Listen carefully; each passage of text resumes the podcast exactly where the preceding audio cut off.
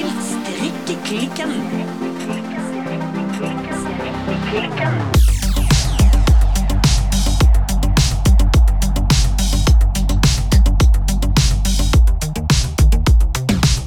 Hallo, Birte. Hallo, Silje. I dag må jeg begynne sendingen med å si litt sånn Jeg beklager. ja. Jeg beklager for eh, stemmen min og nasaliteten. Hostingen jeg sikkert kommer til å komme med. Nysingen. Snufsingen. Jeg syns du høres vakker ut. Jeg har dratt på meg en skikkelig sommerforkjølelse kombinert med pollenallergi. Ja. It is a beautiful bouquet. ja, men um, det er nok som går for tida. Det, Det tror jeg. Jeg tror det er Bergenfest som skjedde. Ja, og altså, det som skjedde hos meg, da, er jo at uh, det begynte to timer etter at jeg var ferdig på siste dag eh, på jobb eh, på en og en halv uke. Ja, da, du fikk den, ja. ja. Da Ja. kjente jeg at litt sånn Are you kidding me? Det klør i halsen, det stikker i halsen. Det er som rett etter at du sånn snubler ut av jobben og er sånn ah, Nå skal jeg nyte noen fridag. Au! Mm, nei, nei, nei, vent. Men er ikke det en klassiker? Jo, det er det. Ja. Men jeg har hørt at um, det er et eller annet som skjer eh, med kroppen når du plutselig kan slappe av. Ja. For da er det litt sånn Ja, men da kan jo du faktisk ligge på sofaen og være litt sjuk også. Ja, men altså, det, det kunne jeg ikke, for det, der hadde jeg så mye oppsamlet ting som jeg skulle få gjort. Ja. Så det, det kunne jeg egentlig absolutt ikke. Så vi Nei, måtte bare gjerne passer jo aldri. Nei da, det gjør jo ikke det. Selv om Det- kroppen tror det. ja, nei, men kroppen tar feil. Ja. Det, altså, du vet sånne, der, eh, sånn guruer og sånn yogadamer og sånn som er sånn Kroppen vet best. Ja. Ja, jeg vil gjerne starte en tilsvarende bevegelse som er Kroppen tar feil. Kroppen tar feil. Ja. Kroppen kan ta seg en bolle. Hoho, Bokstavelig talt.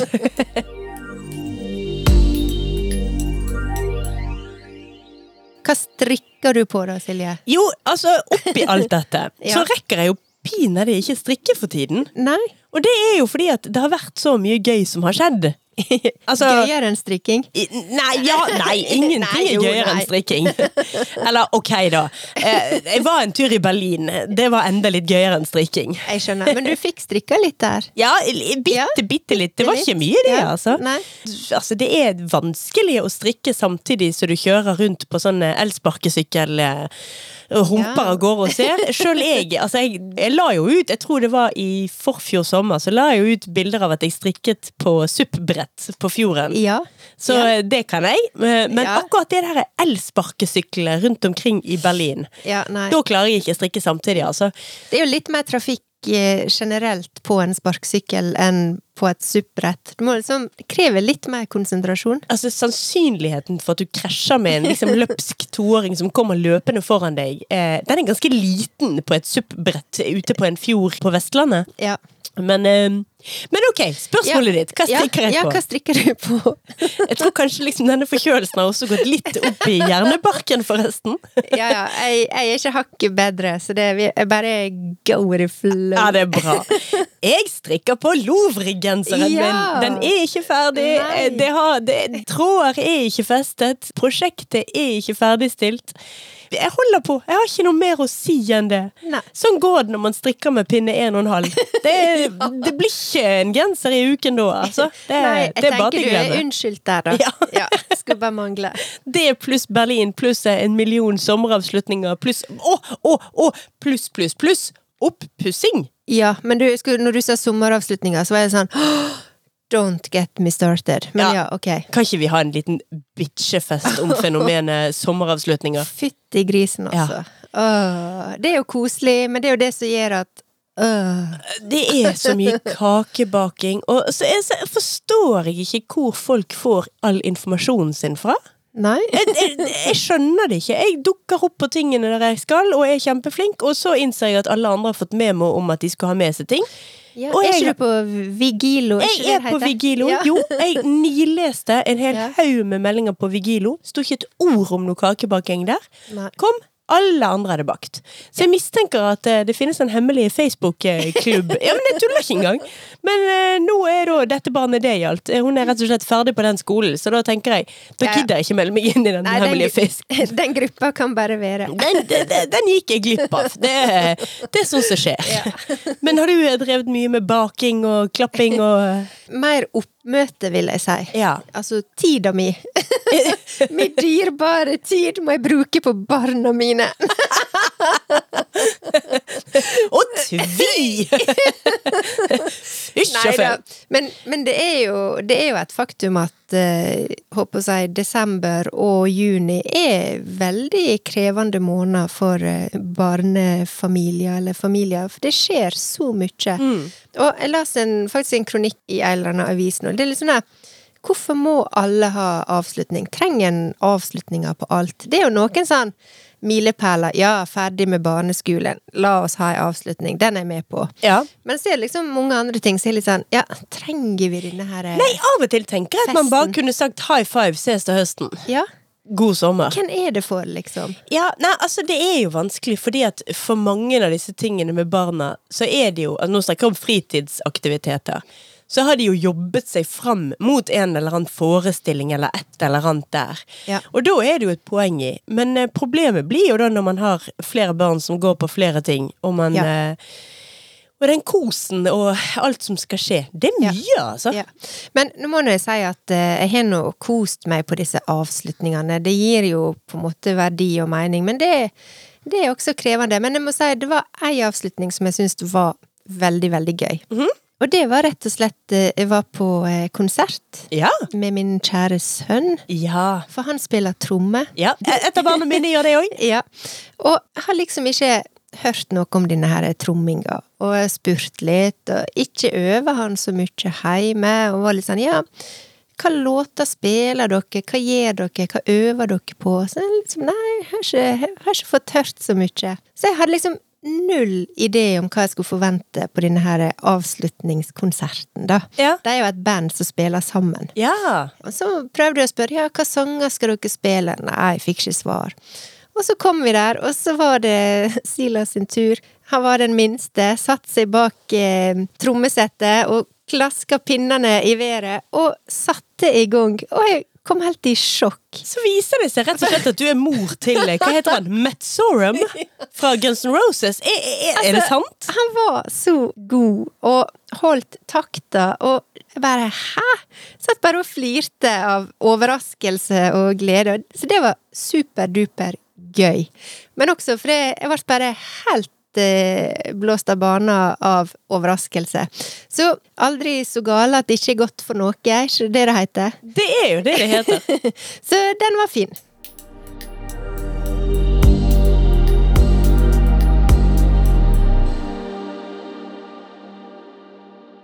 Ok, men fra Guns N' Roses og eh, trommeslager, slaging og baking og avslutninger Ja. Vi må jo snakke litt mer om strikking. Ja. Har du fått strikket litt, Birte? Du, nå er jeg tre uker inn i min nye jobb. Ja. Og når jeg begynte å jobbe der, så merka jeg, fordi at uh, i min gamle jobb, så har jeg hatt uh, et slags uh, sånn uh, spesialputerullemus, som jeg har kobla til tastatur. Ja. Og det var noe som jeg liksom bare fant på kontoret, og liksom, å, kjempebra. Og så har jeg liksom begynt å vente meg til å skrive med det. Og så kjente jeg at eh, når jeg skifta arbeidsplass, så hadde ikke jeg det setupet lenger. Og det var ikke bra for hendene mine. Nei! Nei. Og så begynte jeg å google litt rundt, og så fant jeg ut at denne her devicen som jeg har hatt, og tatt fullstendig for gitt, Ja. den kosta jo søren meg sånn her 5000-6000 kroner. Oi! Så det var helt, jeg fikk helt sånn sjokk, for jeg var litt sånn Ja, jeg trenger sånn rullemus, og jeg har hatt sånn før. Og så begynte jeg å google litt. Jeg bare øh. Shit titt, den var altså kjempedyr. Så jeg var litt sånn Oi, the diva with the, with the broken hands. og tusenlappene flyger. Men uh, uansett så fant vi en sånn lignende device på, um, på Finn. Eller jeg fant den, for jeg har ikke samvittighet til å liksom eh, be folk kjøpe så, dyre, så dyrt utstyr. Så jeg har venta litt på den. Og i den tida jeg har ikke følt at jeg kunne strikke. Nei, fordi at du har jo en lei for historie med senebetennelse, Yes. og må være forsiktig med, med å over, overarbeide hendene dine. Jeg må det. Og, Så jeg kjente liksom det stresset stige litt. For jeg begynte liksom å styre litt og knipe og massere meg litt. Og, men så har det gått bra. Nå eh, har jeg fått på plass denne her kjempegode eh, rullemusa, som jeg kaller det. Anbefaler til alle. Eh, Men det som slo meg, da, det var at når jeg begynte å få senebetennelse Ja. Veit du hva tid det var? For jeg trodde det var når jeg begynte å hyperstrikke. Nei, hvor tid var det, da? Det var jo når eh, vi alle skulle sitte på heimekontor. For hadde jeg den rullemusa der Nei. Nei! Så egentlig må du nå frikjenne strikkingen som årsak til senebetennelse, og eh, skylde på vanlig tastatur, ikke rullemus-tastatur? Det var veldig gøy å si rullemus. Ja, jeg vet ikke hvorfor. Nei, muligens. Jeg, har i hvert fall, jeg kjente i hvert fall nå at eh, kanskje det har spilt en større rolle enn jeg har eh, vært klar over. Ja. Så jeg anbefaler alle rullemus. ja, så dagens episode av Strikkeklikken er sponset av Rullemus. Yes.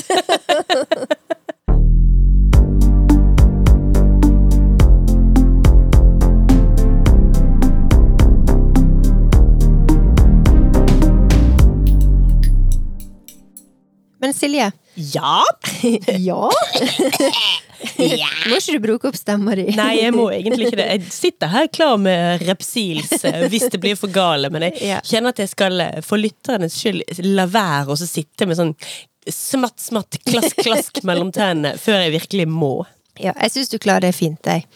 Men eh, for noen uker siden så hadde vi faktisk det luksusproblemet at vi begge to hadde en del ting på hjertet foran forrige innspilling. Ja, Og så ble det til at uh, jeg trakk eh, den lengste tråden. ja sånn at Også, mitt eh, tema ble ja. bompet!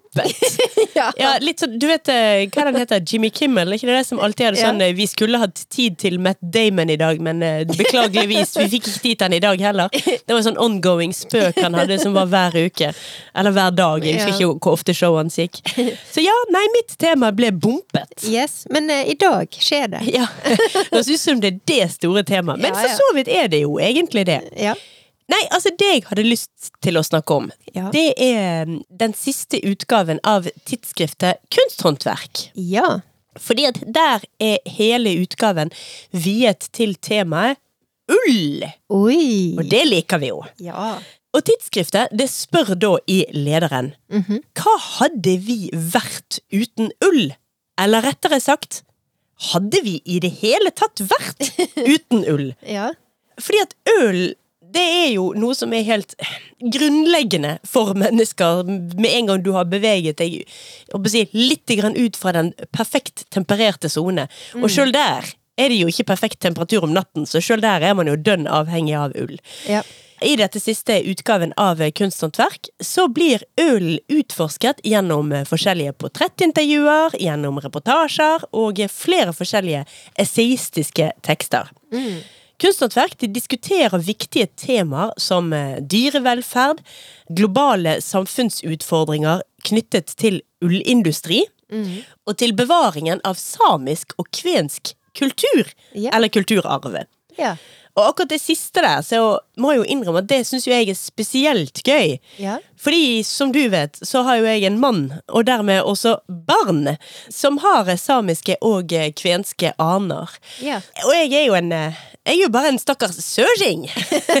så jeg kan jo veldig lite om samisk, og enda mindre om kvensk kulturarv. Ja. Så det syns jeg er veldig spennende, i og med at det altså er faktisk en del av mine barn sine sin fortid, sin heritage, sin, arv. Ja.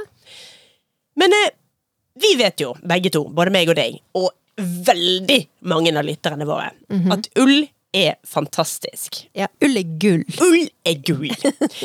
Men flere ganger så har jo jeg også snakket om ull som et eh, fantastisk materiale for kunst og kunsthåndverk. Når jeg gikk ut fra Kunstakademiet, det var da i 2002, tror jeg det var. 2001 var det vel faktisk. 2001 var jeg ferdig på Kunstakademiet. Det er lenge siden. Da var det jo da bare, bare, bare, bare, bare konseptkunst. Altså konseptuell kunst som gjaldt. Det vil si altså kunst hvor det er ideen eller meningen bak kunstverket som er det viktigste. Man kunne lett på den tiden da stilt ut noe som var eh, formmessig kjedelig, som var stygt, eller rett og slett bare dårlig laget. Så lenge man hadde en eh, ganske så intrikat mening bak kunstverket, da. Ja. Aller helst så skulle denne meningen være noe som forholdt seg til filosofi eller filosofihistorie. Og altså i 2001 da, så skulle det aller, aller helst ha noe å gjøre med eh, enten filosofen Adorno eller Heidegger, eller til nød Derrida. Jeg trodde du skulle si eh, Sofies verden. Nei. Nei, okay. eh, nivået på kunsthøyskolene er litt høyere enn eh, Jostein Gaarder sin Sofies verden. Men dette sammenfalt jo faktisk med at eh, mesterverket 'Estetische teori' av eh, tyske Adorno ble for første gang oversatt til norsk Ja. akkurat på denne tiden. Så det var nok en grunn der også at dette ble en sånn veldig stor greie innenfor eh, akademiske kretser på akkurat denne tiden her.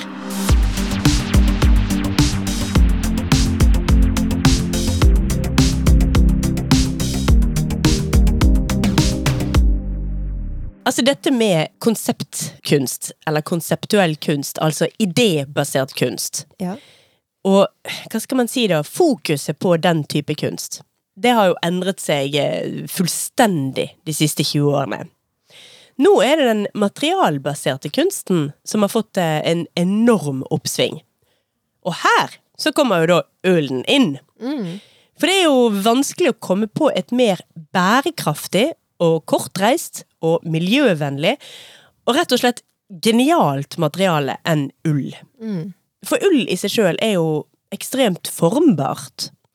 Man kan bruke det ubehandlet og såkalt liksom rått, altså rett fra saua, som det er. Ja. Eller så kan man jo bearbeide det til helt andre former. Enten ved å karre det, eller tove det, eller gjøre det om til tråd som man strikker, eller hekler, eller hva som helst. Ja, for det er jo litt eh, interessant, det du sier der med materiale. Mm. For Det fikk meg til å tenke på liksom Hvorfor skal liksom maling være Altså, ikke maling være kunst, men altså maling er jo et materiale mm. som har blitt brukt veldig mye i kunst. Og du har jo også så Du er jo maler. Kunstmaler. Ja. Men det er jo veldig gøy at ja, en kan jo bruke andre ting Ja til å lage kunst med, og det har jo en gjort, men liksom den her er Litt så interessant når du setter det i perspektiv, hvordan det kan forandre seg også, hvordan Eller hva slags materiale som blir brukt, da. Ja, altså den mest klassiske andre materialet må vel være leire. Altså Ja. keramikk, da. Altså, er Altså leire før det er brent, keramikk etter at det er brent, Ja. men strengt tatt samme, samme tingen likevel. Ja. Eh, eller selvfølgelig kunstnere som har brukt eh, forskjellige metall, altså smeder og eh, glasskunstnere. Det finnes jo mange hva skal vi kalle det, da? Standard, klassiske, materialbaserte kunstformer. Men også de kunstformene baserte seg veldig lenge på at det var ideen, altså konseptet bak, som var poenget. Ja. Og så var materialet mer ja ja, det er nå det jeg tilfeldigvis jobber med, sort of. Mens nå har det virkelig snudd. Nå er det veldig sånn at det er da det å utforske materialet sine egne egenskaper og sitt eget uttrykk, som veldig ofte vi snakker jo om skifter og trender, altså. Så selvfølgelig, hvis jeg påstår noe nå, så kan man jo selvfølgelig komme med tusen eksempler på det motsatte. Ja, ja. Det blir jo som i mote. Hvis jeg sier én ting, så kan du motbevise. Altså, Hvis jeg sier at nå er det inne med hvitt, så sier du nei, for se her, den og den har basert seg mest på svart. Ja. Ja ja, Ja. men likevel. Men for eksempel så kan man jo se at Nasjonalgalleriet i Oslo, de åpnet jo for ikke så eh, forferdelig lenge siden. Og de har for tiden en ganske stor utstilling som heter Otre Terra. Historier om ull. Jeg vet ikke helt hvordan Otre Terra skal uttales. Det er italiensk, nemlig. ja. Eh, Otre Terra. Men jeg var litt sånn, er ikke litt rart å bruke et eh, italiensk navn på noe som høres veldig norsk ut? Ja, det kunne man trodd. Men eh, det er ikke norsk, så det er ikke så rart. Nei. Fordi at dette er en utstilling eh, hvor det italienske designstudioet Forma Fantasma Ja. Forma fantasma. Forma fantasma. Ja, ja, man må nok si det med litt Ja, jeg har, jeg har altfor lite italiensk schwung. Forma fantasma. Hvor de da undersøker ullproduksjonen ullproduksjon sin historie og økologi og globale dynamikk. I utstillingen så er målet å vise at ull det er jo ikke bare et råstoff, men også en del av en eh, ganske stor økologi, rett og slett. Nasjonalmuseet de skriver eh, sjøl på nettsiden sin at noe av bakgrunnen for eh, Forma Fantasmas eh, sitt prosjekt, det er en historie fra 2021. Hvor eh, det da altså var en merinosau, en enkel merinosau, Ja. i Australia som kom bort fra flokken sin. Ja, den historien husker jeg. Du hus jeg Ja. husker ikke den, Ja. altså. Eh, og da var det jo ikke bare flokken sin, den eh, forsvant jo også da fra menneskene sine. Mm.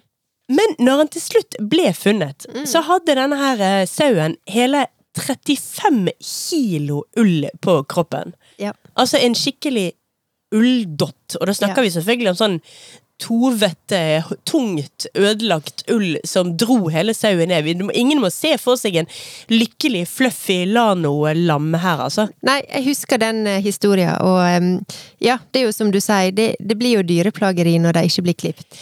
Det blir det, fordi at Altså, sånn som merinosauen har blitt, de er jo da eh, avlet målrettet på i eh, århundrer.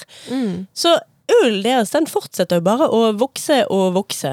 Altså, den er jo like lite naturlig som dyr som den engelske bulldoggen, eller disse her små puggene, altså pugs, eller eh, kuen belgisk blå. Ja.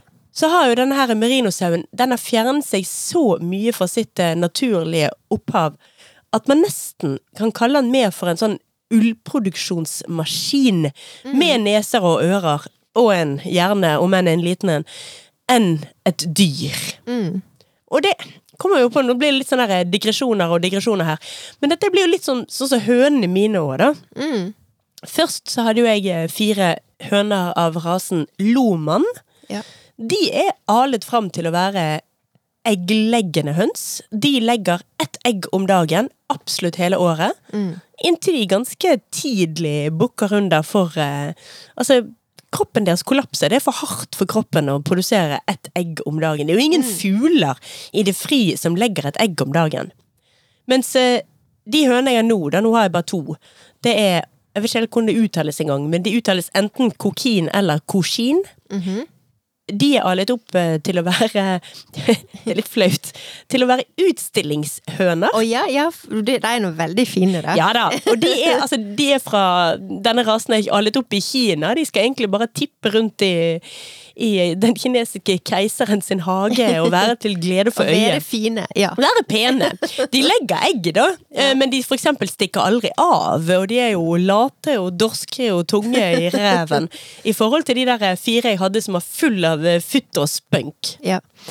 Nei, men det er, håper jeg eh, Jeg vet ikke om fascinerende er rett ord. Det er egentlig litt trist eh, hvordan ting som vi også tror, eller altså tenke er naturlig, om det er dyr, eller om det er planter, eller grønnsaker, eller altså høns og sauer og sånn. Altså, vi har jo avla opp ting til forbruk. Eller, altså, Absolutt. og det er jo det som er du, du blir jo lurt, liksom. Altså, du tror jo at det er sånn helt naturlig, men veldig få ting er faktisk eh, sånn som de tilsynelatende er. Ja, og altså To triste eksempler på dette er jo eh, steinfrie druer og steinfrie vannmeloner. Ja. Som fra naturens side er helt poengløse. Altså, de, de fører jo ikke frøene videre. Nei. Hvorfor skal plantene lage dette her totalt overskuddsprosjektet som ikke fører Det, det er helt Nei. poengløst! Ja. Det er bare tull. Ja. Det er ja, helt idiotisk.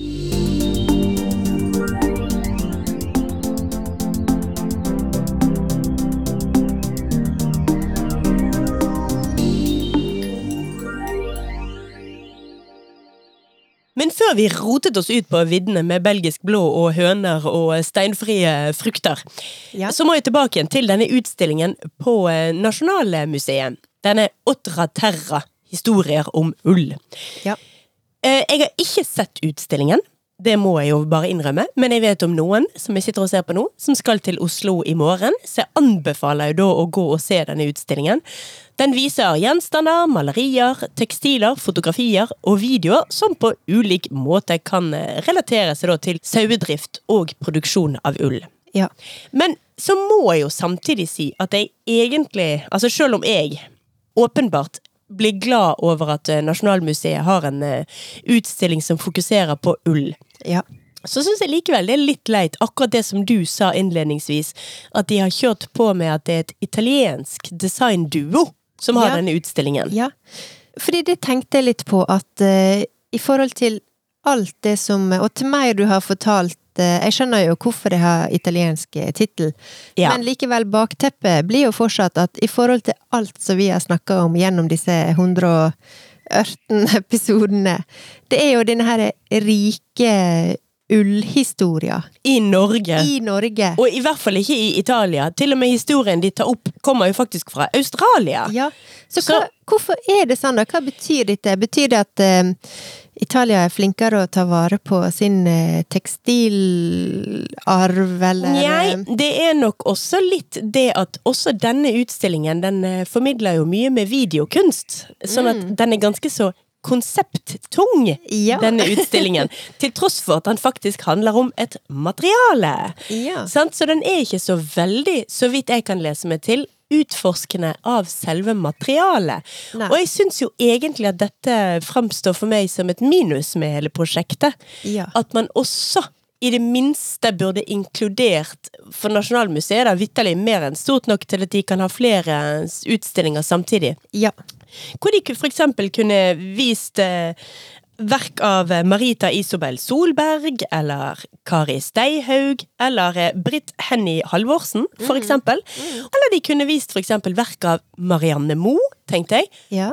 Og så ser jeg på utstilling, altså på nettsiden til Nasjonalmuseet, at prosjektleder for prosjektet heter Marianne Moe. Ja. Og hvis det er tekstilkunstner Marianne Moe, som jobber med ull, ja. tekstilbasert, materialbasert, så syns jeg det var litt eh, leit at hun ikke har eh, benyttet anledningen til å snike inn eh, noen av våre enormt mange sterke tekstilkunstnere også. Da syns jeg det er litt å gå over bekken etter vann, eh, som vi sier i Ulsteinvik, Ja. og hente en designduo fra Italia. Ja, men dette er jo Er ikke det litt sånn typisk også, da? At eh, en går etter bekken, håper jeg, et, over bekken etter vann. Og i stedet for at det er liksom så mye mer sånn fancy og flott når det kommer utafra. Jeg syns det er mange eksempel på at eh, at ting som eh, Nå høres det veldig sånn patriotisk ut, da, men ting som blir eh, skapt, at en tenker at det automatisk blir så mye mer spennende hvis det kommer fra utlandet, for eksempel.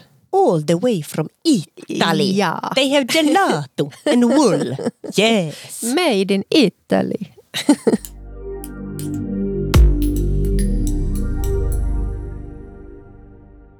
Jeg skal snart rappe opp min ranting om eh, materialbasert kunst og eh, ull. Ja. Men ikke helt ennå. Nei. Men nå er, det, nå er sånn kuratoren Silje som snakker her. Ja, deg. det er litt eh, Men det er bra. Men nå skal kuratoren Silje også bli litt tilbake igjen til eh, tidsskrift-Silje. Ja. For jeg vil gjerne tilbake igjen til denne utgaven av eh, tidsskriftet Kunsthåndverk. Ja.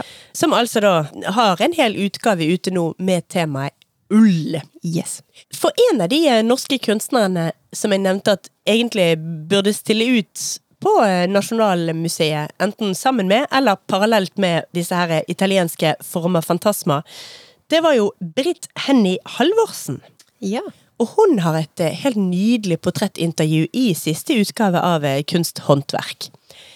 Hun jobber med ull i sin reneste, råeste form. Nå snakker vi om ubehandlet, eh, eller litt vasket ull hengt på vegg. Ja. Og det er så fint skrevet, denne artikkelen. Den er skrevet av eh, Anna Naumann. Naumann, sånn A med to Neumann? Neumann blir det da, ja. Unnskyld. Når det er sånn eh, A med to tødler, da er det vel Ja. Nøy? Nøymann? Nøy, ja, kanskje. Anna Nøymann. Ja, vi, vi håper på det. det. Ja.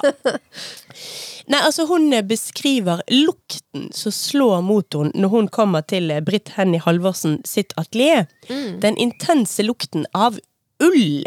Ja. Og for meg var det bare sånn, med en gang de begynte å snakke om det, så er det sånn, ja ja, klart jeg kjenner den lukten der. Den litt sånn tunge lanolinlukten. Jeg syns det lukter ekstremt godt.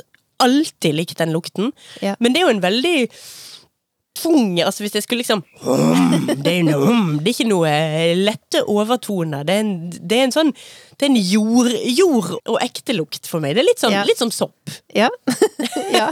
Jord, mose, sopp og ull. ja det er, sånn naturelementer. ja. Ja. Men for eksempel altså, havvind, havduft er også et naturelement, men den er lys. Den er litt annerledes. Ja, den har mye lysere toner.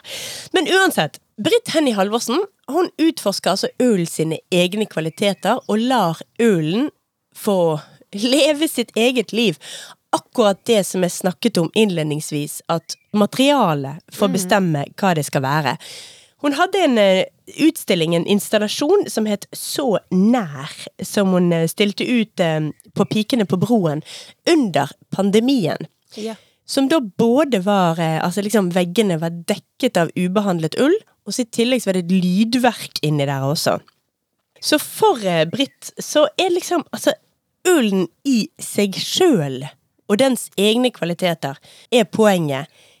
Ikke sånn som former Fantasma, som da tar ull og ull sin historie og lager et videoverk om det på en helt annen måte. Sånn at det er to forskjellige måter å tilnærme seg på det. Og Ja. em, jeg kjenner at akkurat for min del, så er jeg akkurat nå mer interessert i folk som da bruker ullen som, eh, som et eget materiale. Nei, men det var veldig eh, interessant eh, å høre, Silje. Men har du planer om å gå og se denne her utstillinga? Ja, det har jeg! Ja. Å si, selvfølgelig. Ja. Og det har jeg god tid på meg til også. Ja. For denne utstillingen står på Nasjonalmuseet helt fram til 1. oktober Ja. 2023, da. Ja. Um, så det det er litt sånn herre Ja, sommeren er lang, og eh, 1. oktober, det er lenge til. ja, det er lenge til. Så denne regner jeg med at jeg skal få rekke å få med meg. Og hvis andre av lytterne våre har vært og sett på denne utstillingen, så må de gjerne gå inn på Instagrammen vår og legge igjen en oh, Jeg vil gjerne ha en kunstanmeldelse fra en av lytterne våre som har sett eh, denne utstillingen. Ja. Oltre Terra. Oi, så jeg sa Otre Terra i sted, men jeg ser nå at den heter Oltre Terra. Ja. Historier om ull. Ja, hva kan jeg si? Italiensken min er ja, litt rusten. Nei, men eh, veldig bra. Det blir jo spennende å se om eh, kanskje en av oss, eller begge to på et eller annet tidspunkt, eh, klarer å eh, svippe innom eh, utstillinga. Og så kan vi snakke om det igjen til høsten. Absolutt.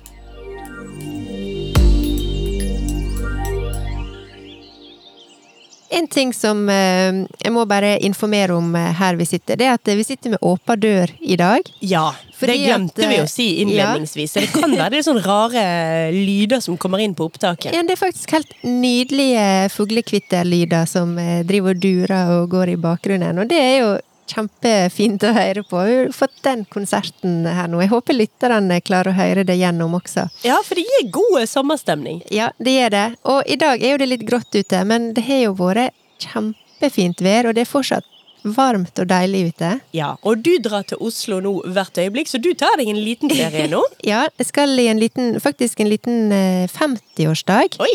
Så det blir en sånn eh, in and out, eh, kjapp, kjapp tur. Men ja, jeg skal til Oslo i helga. Gleder meg til det. Der er det fint og varmt. Og hva skal du resten av sommeren? Resten av sommeren Jeg skal jobbe. Eh, Det var ikke noe gøy. Eh, og litt sånn hell i uhell. Eh, når jeg bytta jobb, så fikk jeg litt mindre ferie. Mer vanlig ferie, kanskje. Mm.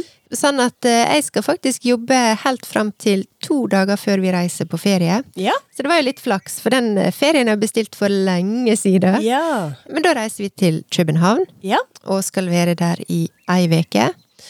Før vi reiser videre til Paris, og skal være der i nesten ei uke. Fem-seks dager. Ja. Denne turen bestilte vi i fjor oktober. Aldri bestilt så tidlig ferie før. Nei. Og hva skal jeg si? Timinga er jo perfect, for dette blir jo Vi trodde jo at vi var tidlig ute og gjorde superkupp på ferie. Men eh, dette blir jo sikkert tidenes dyreste ferie. Ja, på grunn av så, slik krona står. Ja. Ja. Og det som var irriterende, det jeg må bare nevne det. Fordi at flybilletter vi skal flyge, eh, flybilletter fikk vi billig, faktisk. Det lønte seg å kjøpe tidlig. Og jeg syns vi fikk en god pris på hotell også. Men det som jeg ser nå, er at eh, når vi reserverte hotellet, så reserverte vi i norske kroner. Fordi at det er prisen du får opp på typ sånn hotels.com og booking.com. Men når jeg nå går inn igjen og skal hente fram reservasjonen, så får jeg den opp i danske kroner og i euro. Så nå er jeg bare litt sånn øh, Det var ikke det jeg bestilte. Så jeg syns det er utrolig Nesten jeg føler meg litt sånn lurt. Og det er veldig, veldig kjipt. Ja. Men det blir jo sikkert utrolig kjekt å dra til både Paris og eh, København, da. Ja, jeg gleder meg veldig, og um, jeg tenker at eh, jeg har litt lyst til å prøve å finne litt eh, kjekke strikkebutikker, og kanskje i Paris også. Vi vet jo at det er kommet noen parisiske garnmerker som er umulig å uttale. Det har vi oppdaget, ja. Så, men det er litt kjekt å se eh, hvordan også den her eh, Håper jeg om det er garn eller strikkekulturen, da, om den er forskjellig, for eksempel hvis du går inn i en strikkebutikk i Paris og i København versus eh, her i Bergen eller Oslo. Mm. Ja. Jeg gleder meg supermasse, og hele familien er kjempegira. Hva skulle jeg si? Det blir sikkert helt strålende.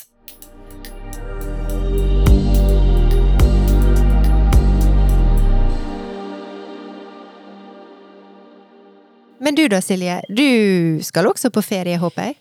Ja da. Ja. Altså, jeg har jo allerede vært på to bitte små ferier. En helg til Rosendal, og Ja. en helg i eh, Berlin. Yes. Og så drar vi nå, jeg skal bare knekke denne forkjølelsen. Ja. Så drar vi en tur til Sørlandet. Stopper litt først i Stavanger et par eh, dager og tar oss eh, noen dager der. Og så reiser vi helt sør til Lindesnes. ja. Og så skal vi en uke til Sør-Frankrike. Ja. Nå kan en- du få øve på fransken din. Den er forstått overalt. Ja, ja, ja, ja, ja. Nei, da, men det blir helt strålende. Det er jo meldt eh, århundrets varmeste eh, hetebølge i Sør-Europa. Men eh, det går bra. Oh, da blir det sikkert eh, crazy Paris også. Ja, Paris blir nok sikkert Altså, vi skal jo være ved havet, pluss Ja. at vi har basseng. Så vi skal nok klare oss, men eh, det kan nok bli veldig varmt, ja. For å si det sånn, jeg har vært i Paris et par ganger før når det har vært hetebølger, og det er det er faktisk Jeg tror du må oppleve det for å forstå hvor eh, sinnssykt grusomt varmt det kan bli. Ja, ja, nei, der er det jo faktisk sånn at eldre mennesker dør av heteslag, så det Ja. tror jeg Det tror jeg på. Ja, nei, det Så eh, nei, du får holde Stay hydrated. Ja, heldigvis blir jo det ferie. Dette er faktisk første gang jeg reiser til Paris på ferie. Oi! Ja! Ja, du har jo vært der en milliard ganger, så Jeg det er jo litt rart. vært har her der veldig mange ganger. Kanskje verse 30-40 ganger en eller annen gang mellom der. Men alltid på jobb. Så nå, ok, hetebølge, men altså Jeg skal i hvert fall ikke jobbe tolvtimersdager, da. Nei, det, det, det høres jo utrolig greit ut. Så jeg gleder meg litt til å oppleve byen på en litt annen måte. Jeg er jo veldig kjent der, men jeg har jo aldri hatt tid til å liksom luske rundt og chille, liksom. Så Nei. det gleder jeg meg til. Men apropos ferie, Ja. for vi tar jo ferie nå. Yes. Yes, Dette er jo faktisk den siste sendingen vi skal ha før, eh, før, før vi er tilbake igjen. Det er det, og jeg kjenner litt på at hvis vi hadde tatt et bilde av oss eh, nå i dag, så hadde vi liksom Håret hadde vært på skeiva, og Ja, nå vil jeg gjerne skylde litt grann ekstra på den eh, sommerforkjølelsen min, altså. Men ok. Jo, men jeg, føler denne tida her, liksom slutten av juni, da, da går det litt på stumpene løs, Ja, altså. det gjør det. Og jeg har sett disse her, eh, noen bilder vi har lagt ut før, sånn ish på denne tida, og vi ser så slitne og gående Men så kommer vi tilbake igjen når, etter sommerferien. Så er vi litt sånn solbrune og freshe. Da har vi trent yoga og stretcha og bare levd av eh, honningmelon og eh, Campari. det var det jeg kom på. Nei, men altså, du blir jo, du blir jo sånn reborn, rett og slett, gjennom ferie. Men jeg tror spesielt denne her eh, Altså, junien er litt sånn hard, altså. Ja, det- altså mai-juni. Jeg syns mai også er hard. Så mai-juni er, en- det er en, det er en bøyg. Ja. Men eh, du, har du i hodet hvilken dato det egentlig er vi er tilbake igjen på? Eh, det skal jeg ta og så finne ut veldig kjapt her. Første episode etter sommeren, det blir rett og slett onsdag 16. august. Ja, det stemmer. Da skal vi selvfølgelig spille den inn på forhånd. Men i mellomtiden så anbefaler jeg jo alle å følge oss på Instagram. Ja. Og jeg anbefaler alle å signe opp til å bli patrionsene våre. Ja. Fordi Ja. det koster jo bare 40 kroner i måneden å bli patrionsene våre. Ja. Og det har vi pleid å si at det er jo mindre enn en kopp kaffe i måneden. Ja. Det er jo, altså Foreløpig så har ikke det vært så mye ekstra man får. Det har vært en sånn greie om at man kan støtte oss for noe vi allerede lager. Ja. Men for det første så har jeg planer om å bruke patrionsen aktivt i løpet av sommerferien. Ja. Og legge ut oppdateringer om strikkearbeid og om forskjellige ting. Kan man få værrapporter fra Sør-Frankrike, man kan få værrapporter fra Sør-Norge. Ja. Og annet, og vi kan få vite hvor varmt det blir i Paris under en hetebølge fra deg. Ja. Og selv om jeg altså har sagt at det koster mindre enn en kopp kaffe i måneden, så må jeg rett og slett bare stryke det fra nå av. For Ja. vet du hva jeg betalte for en kopp kaffe i forgårs? ja, eller var en kaffelatte? Var, ja, Ja, ok, for det er jo en det vi drikker Det er jo strengt det. tatt. Ja. 66 kroner for en kopp kaffe. Ja, I know! Og da tenkte jeg Dæven, det er billig å være patrion hos eh, Strikkeklikken. ja. Det er jo, jeg håper jeg, føde på en eh, litt annen måte enn kaffe, men eh, lell like bra, vil jeg si. Absolutt. Så altså, jeg vil anbefale alle å bli patriensene våre. Da går man rett og slett inn på patrion.com skråstrek strikkeklikken og melder seg om som patrion vår. Og så får vi nok penger til uh, en halv kopp kaffe på deling uh, i måneden av Ja, dere. ja. Da blir vi veldig glad. Det syns jeg vi har fortjent. Ja.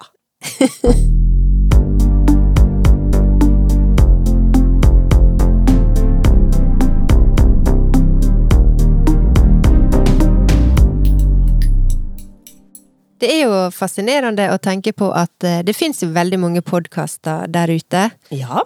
Og jeg tror at eh, produksjonskostnadene på denne podkasten her er Det er tid og kjærlighet.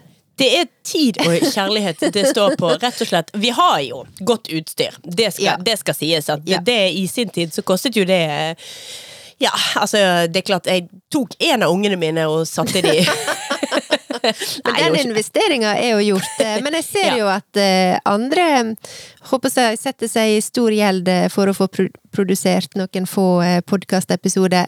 Ref. Sofie Elise, Ja, vi, videre. vi løste jo det på litt annen måte. Nemlig, og det har vi fått en del spørsmål om. Som Ja. i, hvem er teknikerne våre? Hvem er det som klipper? Hvem gjør alt arbeidet? Ja. Og det må vi bare gjøre klart for folk at det gjør vi. Ja. Fordi at istedenfor å få oss en tekniker, så eh, satt vi oss ned og leste og leste og leste og leste på internett, og øvde og lærte oss det. Ja. Så vi gjorde det da på den billige måten med å just, just grind it, just do it. Ja, og kan jeg få lov til å skryte voldsomt eh, av oss sjøl? Ja. Fordi at eh, jeg syns at eh, podkasten vår står ikke noe tilbake for noe som helst som koster 500 000 per episode å lage.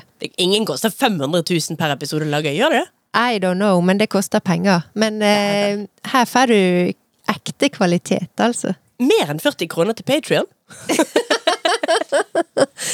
Men eh, det som er litt morsomt, det er jo at for eh, et par uker siden så bikka vi faktisk 200 000 eh, nedlasta episoder. Ja, vet du hva, jeg så det, og det Ja. var gøy. Det var veldig gøy. Og det altså det gjør denne podkasten til Da er vi vel Hva er vi, hva er vi er da? Norges eh, største innenfor håndarbeid og segmentet? Eller Jeg tror eh, Jeg veit at vi har vært største strikke, strikkepodkasten eh, en stund. Hvordan den kategorien håndverk spiller seg ut, vet veit ikke jeg. Men jeg må få lov å si at eh, 200 000 eh, nedlastninger, det er jo sinnssykt god betaling for oss. Det er det. Og skulle gjerne tatt egentlig hver og en i hånden og sagt eh, tusen takk for at du lytter. For Ja. det gjør meg virkelig akkurat så glad. Ja, og det er det jeg har lyst til å liksom bare jeg håper jeg, jeg har lyst til å bare vende speilet Nå klapper jeg oss sjøl litt på skuldra, men jeg har lyst til å liksom bare vende speilet og blikket utover til alle dere som sitter og hører på veke etter veke. Tusen hjertelig takk for det. Ja.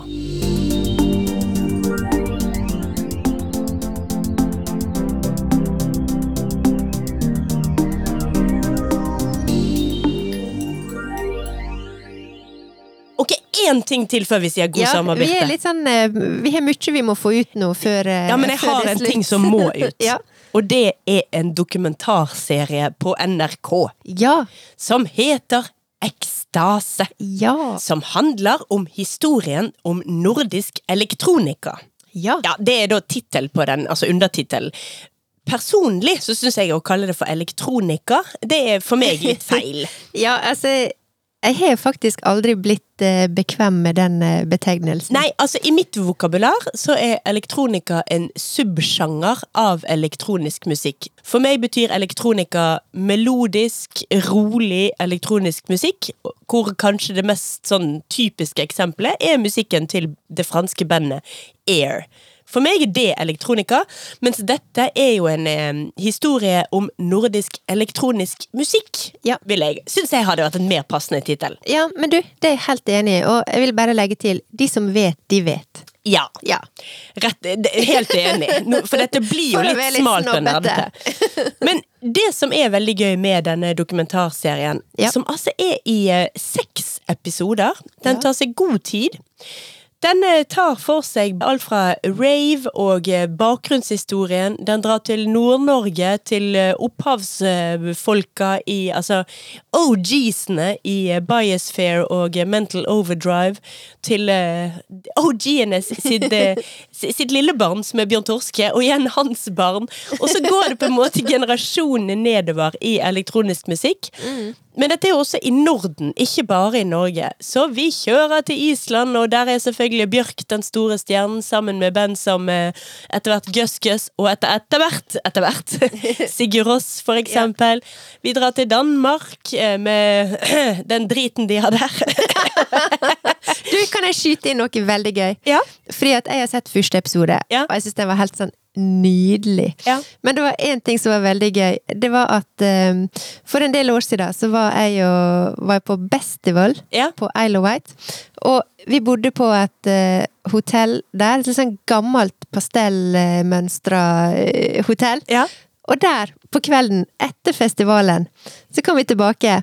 Jeg og noen venner, og et kjent dansk band som jeg ikke husker navnet på i farta, og Kenneth Baker. Hvem er det? han var liksom den som eh, blir da i den første episoden. Han får liksom æra for å ha innført litt sånn rave og, Ja, og clubbing til Norden. ikke. Ja, for jeg skjønte ikke hvem han var i Nei. den, eh, i den dokumentarserien Ja. heller. Det er han eh, fyren med den hatten i dokumentarserien. Han, jeg kjente ikke han igjen der, men det var sånn Oi, shit, det var han. For det som skjedde med han Vi var ca. ni stykker som hadde et slags nachspiel på det her hotellet. Ja. Det var eieren sin datter på sånn tolv år som sto og spilte låter. Ja. Men så hun ble bare pusha vekk av Kenneth Baker, som tok over og begynte å spille. Og der var jeg og faktisk eh, Anne, vår felles venn, Annie og et par til. Kjempegøy. Eh, men det var han. Kenneth ja. Baker. Okay, nei, for, fordi han, når han dukket opp i denne dokumentarserien, så skjønte jeg ingenting. Nei. Men selvfølgelig, altså, i sin tid så bodde jeg også en liten periode i Finland, sånn at det at artister som Jimmy Tenner og Jori Hulkonen eh, og alle disse dukker opp Altså, herregud, Ja. det er et intervju med Tommy Grønlund bak Sacker Records. Dette er jo for min del, og som du nevnte nå, Ja. Annie, Mikael eh, Telle er intervjuet her. Altså, jeg Ja. bodde jo Vi drev en platebutikk sammen, og bodde sammen på denne tiden her. Ja. Så dette, dette er jo en dokumentarserie for meg, da, om min tidlige voksentid. Jeg kom på nå da jeg snakket om eh, Tommy Grønlund og hans plateselskap. For jeg flyttet altså til Ja, for det var så vittig. Jeg flyttet altså til Finland. Åh, ok, vi tar det fra begynnelsen av. Ja. Jeg bodde i Berlin. Jeg satt eh, med noen venner av meg fra Norge. Hun ene sier ja, etter jul kommer du vel tilbake igjen til Bergen. Og mens hun spør, så sitter jeg og har Take Me Baby av Jimmy Tenner på hjernen. Så det ramler ut av munnen min. Jeg flytta til Helsinki.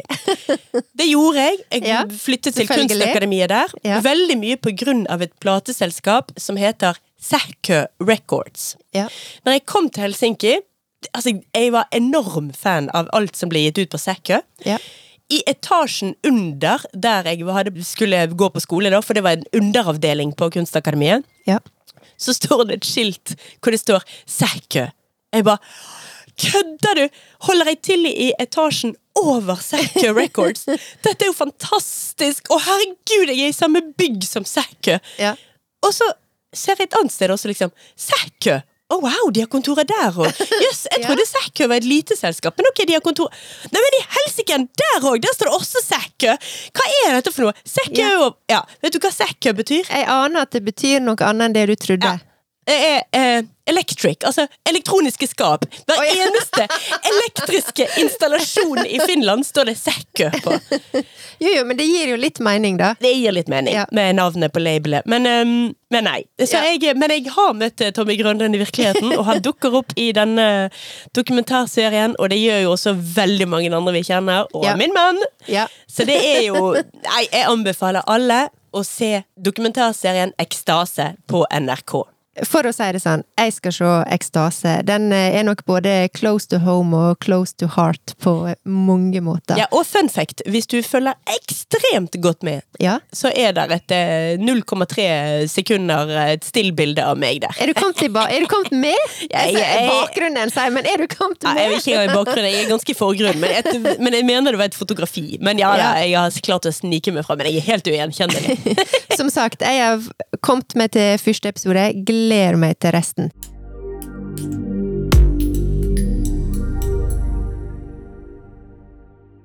Men eh, Silje, Ja. da veit jeg hva jeg skal gjøre i sommer. Du skal se på Ekstase. Ja, og jeg skal, se på And Just Like That.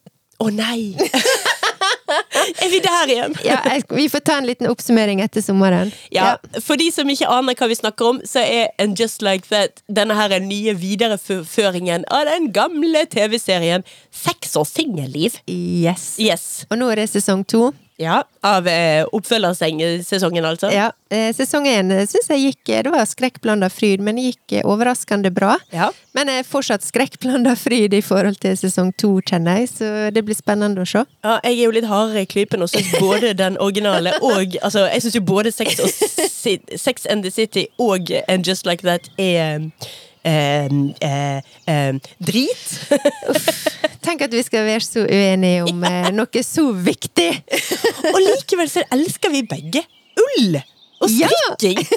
Og likevel så lager vi ikke krig! Nei. Herregud, hva de har å lære av oss eh, Ja. i Midtøsten! Jeg er ikke krenka engang.